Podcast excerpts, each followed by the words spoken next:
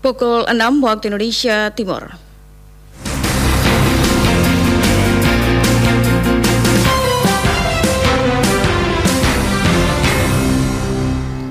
Radio Republik Indonesia Fak-Fak dengan Warta Berita Daerah. Saya mengesahkan nomor urut satu untuk pasangan calon Bapak Samaun Dahlan dan Bapak Clifford dan Darmana. Saya mengesahkan nomor urut dua untuk pasangan calon Bapak Untung Tamsil dan Ibu Yohana Hindom.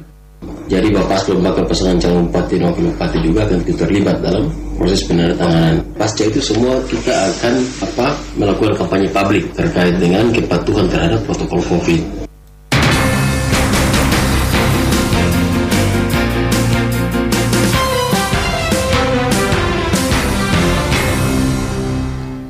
Sari Berita, dua pasangan calon bupati dan wakil bupati resmi mengantongi nomor urut paslon pada pemilihan kepala daerah Kabupaten Fakfak tahun 2020. Bawaslu Kabupaten Fakfak telah membentuk kelompok kerja penanganan pelanggaran protokol kesehatan COVID-19 pada tahapan Pilkada serentak 2020. Itulah berita utama pagi ini, selengkapnya bersama saya Hatijah Baco.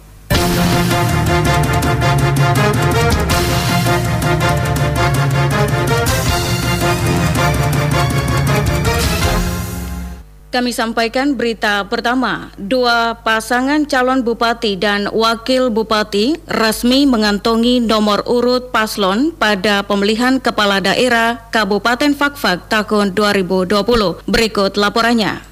Saudara Komisi Pemilihan Umum KPU Kabupaten Fakfak kemarin menggelar rapat pleno terbuka pengundian dan pengumuman nomor urut pasangan calon atau paslon Bupati dan Wakil Bupati Fakfak dalam pemilihan serentak tahun 2020. Ketua KPU di Hulu Dikri Raja Loa pada kesempatan tersebut mengungkapkan sebagaimana yang telah ditetapkan melalui surat keputusan KPU setelah pengundian, maka KPU mengesahkan pasangan calon Bupati, Wakil Bupati Samaun Dahlan dan Clifford Hendrik dan Darmana sebagai paslon dengan nomor urut 1, sedangkan nomor urut 2 pasangan calon bupati wakil bupati Untung Tamsil dan Yohana Dina Hindom. Pencabutan nomor urut telah dilakukan dan kemudian untuk kedua pasangan calon telah mendapatkan nomor urut. Oleh karena itu, saya mengesahkan nomor urut satu untuk pasangan calon Bapak Samaun Dahlan dan Bapak Clifford dan Darmana. Selanjutnya, saya mengesahkan nomor urut dua untuk pasangan calon Bapak Untung Tamsil dan Ibu Yohana Hindom. Ketua KPU pada kesempatan tersebut mengingatkan sesuai PKPU yang baru menyatakan bahwa tahapan penyelenggaraan pilkada di Kabupaten Fakfak dilaksanakan dengan tetap menerapkan protokol kesehatan COVID-19. Usai penarikan nomor urut dilanjutkan dengan penandatanganan fakta integritas terkait kepatuhan protokol COVID-19 seluruh peserta pemilu. Sedangkan sore harinya dilanjutkan dengan deklarasi pilkada damai, siap menang, siap kalah di mana dalam deklarasi ini kedua paslon berkomitmen melaksanakan tujuh butir kesepakatan yang ditandatangani oleh kedua paslon, Ketua KPU, Kapolres, Dandim, serta Kajari Fakfak. Demikian Niko Aflobun melaporkan.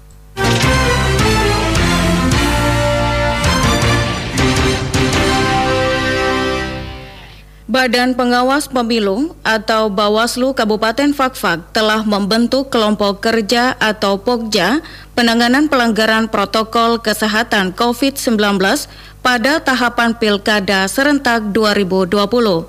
Pembentukan Pokja dilakukan melalui rapat koordinasi dipimpin Ketua Bawaslu Fakfak Fahri Tukuain, dihadiri Dandim 1803, Kapolres, Kasatpol PP, Satgas COVID-19, Komisioner Bawaslu, dan KPU Kabupaten Fakfak.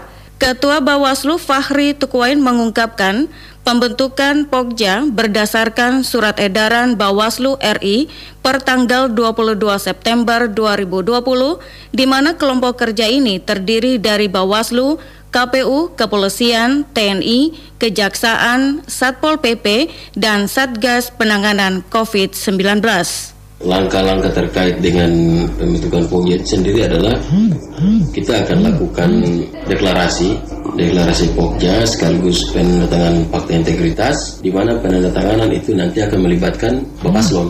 Jadi Bapak Slon bakal pasangan calon bupati dan wakil bupati juga akan terlibat dalam proses penandatanganan. Pasca itu semua kita akan apa melakukan kampanye publik terkait dengan kepatuhan terhadap protokol COVID. Fahri Tukuain menambahkan, dengan terbentuknya Pokja ini diharapkan penanganan pelanggaran protokol kesehatan pada setiap tahapan pilkada di Kabupaten Fakfak dapat dilaksanakan sesuai ketentuan yang telah ditetapkan.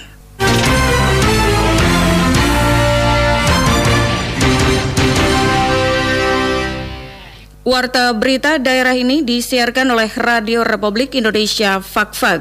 Sesuai edaran Bawaslu RI, maka Badan Pengawas Pemilu atau Bawaslu Kabupaten Fakfak akan menindak tegas peserta pemilu yang melanggar protokol kesehatan dalam tahapan pilkada serta memberikan sanksi kepada ASN yang ikut terlibat dalam politik praktis. Berikut disampaikan Ketua Bawaslu Fakfak Fahri Tukuain. Badan Pengawas Pemilu Bawaslu Kabupaten Fakfak menegaskan pemilihan kepala daerah dilaksanakan dalam pandemi COVID-19. Oleh karena itu, setiap tahapan pelaksanaan pilkada di daerah ini harus menerapkan protokol kesehatan COVID-19. Selain itu, ASN yang terlibat dalam politik praktis akan diberikan sanksi sesuai ketentuan yang berlaku. Selengkapnya, berikut disampaikan Ketua Bawaslu Fakfak Fahri Tukuain.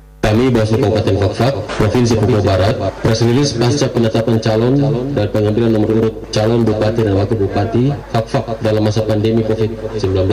Pasca penetapan calon kemarin dan dilanjutkan dengan pengambilan nomor urut calon Bupati dan Wakil Bupati Fakfak dalam masa pandemi COVID-19, maka Badan Pengawas Pemilihan Umum Kabupaten Fakfak, Bawaslu perlu menyampaikan beberapa hal yang perlu menjadi perhatian kita secara bersama-sama.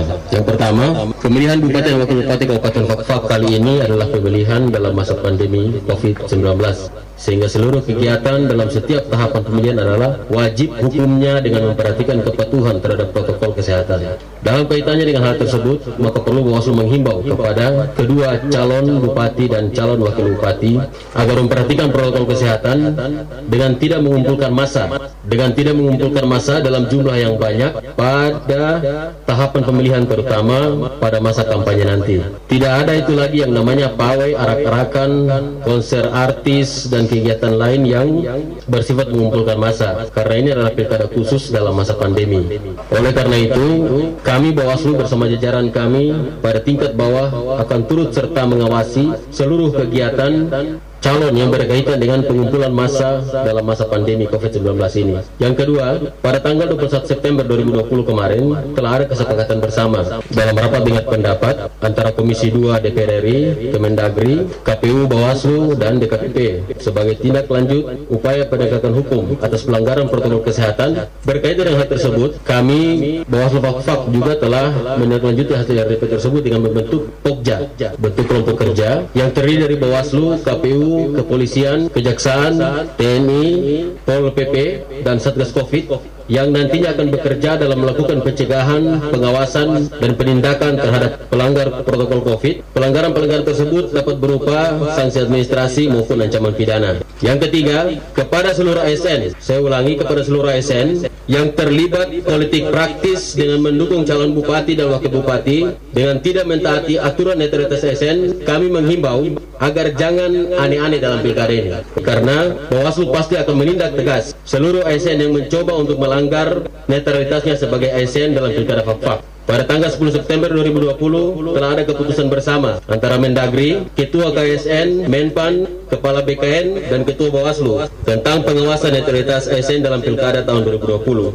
Yakin dan percaya bahwa hasilnya pasti akan buruk jika terdapat ASN yang mencoba melanggar netralitasnya dalam Pilkada tahun ini. Yang keempat, kami menghimbau kepada seluruh warga masyarakat Fakfak agar membantu Bawaslu dalam mengawasi pelaksanaan Pilkada Fakfak tahun 2020 ini dengan cara menyampaikan laporan secara langsung dengan metode menaati protokol kesehatan dan laporan secara tidak langsung yaitu melalui media jejaring Bawaslu apabila terdapat penyelenggara pemilihan dalam hal ini KPU beserta jajaran sekretariat, kami sendiri Bawaslu beserta jajaran sekretariat dan juga tentunya jajaran penyelenggara tingkat distrik dan kampung yang terlibat praktis dalam mendukung salah satu calon bupati dan wakil bupati Fakfak. Kami juga telah membentuk tim khusus yang tersebar di seluruh distrik di Kabupaten Fakfak agar mengawasi penyelenggara pemilihan ad hoc dari masa kampanye sampai dengan rekapitulasi penghitungan suara berakhir. Yang kelima, kami Bawaslu dan KPU tetap bersinergi secara adil untuk menyelenggarakan pemilihan bupati dan wakil bupati Kabupaten Fakfak dengan tetap mentaati segala ketentuan peraturan perundang-undangan yang ada. Oleh karena itu, apabila ada yang kami laksanakan tidak sesuai dengan aturan undang-undang, maka kami mempersilahkan warga masyarakat dapat melaporkan ke Dewan Kehormatan Penyelenggara Pemilu atau DKPP. Demikian dan terima kasih bersama rakyat awasi pemilu, bersama Bawaslu tegakkan keadilan pemilu, Badan Pengawas Pemilu Kabupaten Fakfak, Ketua Farid Tupain.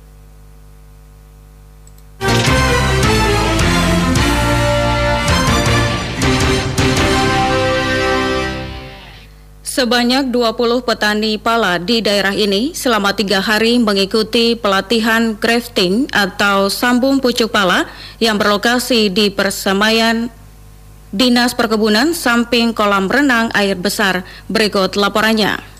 Dinas Perkebunan Kabupaten Fakfak bekerjasama dengan Green Economic Growth melakukan pelatihan perbanyak pala Fakfak dengan metode sambung pucuk atau grafting. Kegiatan ini berlangsung selama tiga hari, yakni pada tanggal 21, 24, dan 25 September 2020 yang dipusatkan di lokasi persamaian Dinas Perkebunan samping kolam renang air besar Fakfak. Wakil Bupati Fakfak Abraham Sopehilwakan ketika membuka pelatihan tersebut mengatakan dalam ilmu pertanian terdapat dua cara untuk memperbanyak tanaman yakni dengan cara generatif dan vegetatif. Dikatakan kegiatan pelatihan grafting atau sambung pucuk tanaman pala sangat penting dilakukan agar dapat menjawab permasalahan pala jantan dan betina yang menjadi fenomena saat ini. Jadi kalau di tanaman ada dua sistem perbanyakan, generatif dan vegetatif. Generatif itu dari biji. Dari biji generatif itu ya sekarang ini nanti kita mau belajar ini. Mungkin bapak-bapak yang hadir juga sudah punya pengalaman, cuman ya saling supaya ada orang bilang kalau ilmu ini kalau tidak belajar belajar nanti pengalaman lama-lama kita lupa toh. Kita undang bapak-bapak yang datang untuk ikut ini supaya asah lagi otaknya, asah lagi tangannya, supaya lebih ringan, lebih lincah, lebih semangat. Kalau kita di fak ini, kecenderungan kita perbanyaknya dengan generatif, yaitu biji. Dan itu mungkin dari keluarga turun-temurun saja. Tapi untuk seluruh masyarakat agak susah kita temui. Saya juga sampai mengemis, mengemis. Bapak-bapak setuju kan? Bapak bisa pisah mana yang biji jantan dan mana biji betina. Sementara Kepala Dinas Perkebunan Kabupaten Fakfak, Abu Rahim Fatamasa mengatakan, maksud dan tujuan dilaksanakan pelatihan grafting bagi petani pala adalah untuk menjawab permasalahan di tingkat petani terkait dengan bibit pala guna mengetahui bibit jantan dan betina. Ia menambahkan, keunggulan dari grafting atau sambung pucuk pala adalah pohon yang dihasilkan dari grafting ini akan cepat berbuah serta waktu berbuahnya sangat cepat, yakni berumur 2 hingga 3 tahun. Maksud dari semua kegiatan yang kita lakukan ini adalah pertama bahwa menjawab permasalahan di tingkat petani kaitan dengan bibit pala. Mereka katakan bahwa untuk mengetahui jantan dan betina. Nah kadang-kadang kita dipermasalahkan menyangkut dengan jantan betina. Oleh sebab itu langkah yang kita lakukan dengan sambung pucuk atau grafting ini untuk menjawab permasalahan itu. Jadi sama pucuk ini adalah kita bisa menyambung antara pala yang sudah disemai kemudian disambung dengan pala yang entris atau pucuk dari tanaman pohon pala yang diambil dari pohon yang betina yang buah kemudian segar dan sehat. Nah ini kita sambung dan ini keunggulannya adalah pertama sudah bisa kita tahu bahwa benar-benar pohon yang nanti dihasilkan dari grafting ini pasti berbuah. Kemudian yang kedua adalah waktu berbuahnya cukup pendek. Jadi sekitar sekitar dua tahun atau tiga tahun itu sudah bisa berbuah. Kegiatan pelatihan perbanyak pala fak-fak dengan metode sambung pucuk atau grafting dilakukan pada dua angkatan, di mana angkatan pertama untuk pegawai dan penyuluh diikuti sebanyak 15 peserta dan angkatan kedua dikhususkan kepada petani pala berjumlah 20 peserta. Sementara pemateri pada pelatihan grafting atau sambung pucuk pala berasal dari Green Economic Growth yakni Dr. Mustafril, Ketua Perhimpunan Pala Aceh. Januardi melaporkan. Sekian warta berita daerah produksi Radio Republik Indonesia Fakfak. -Fak.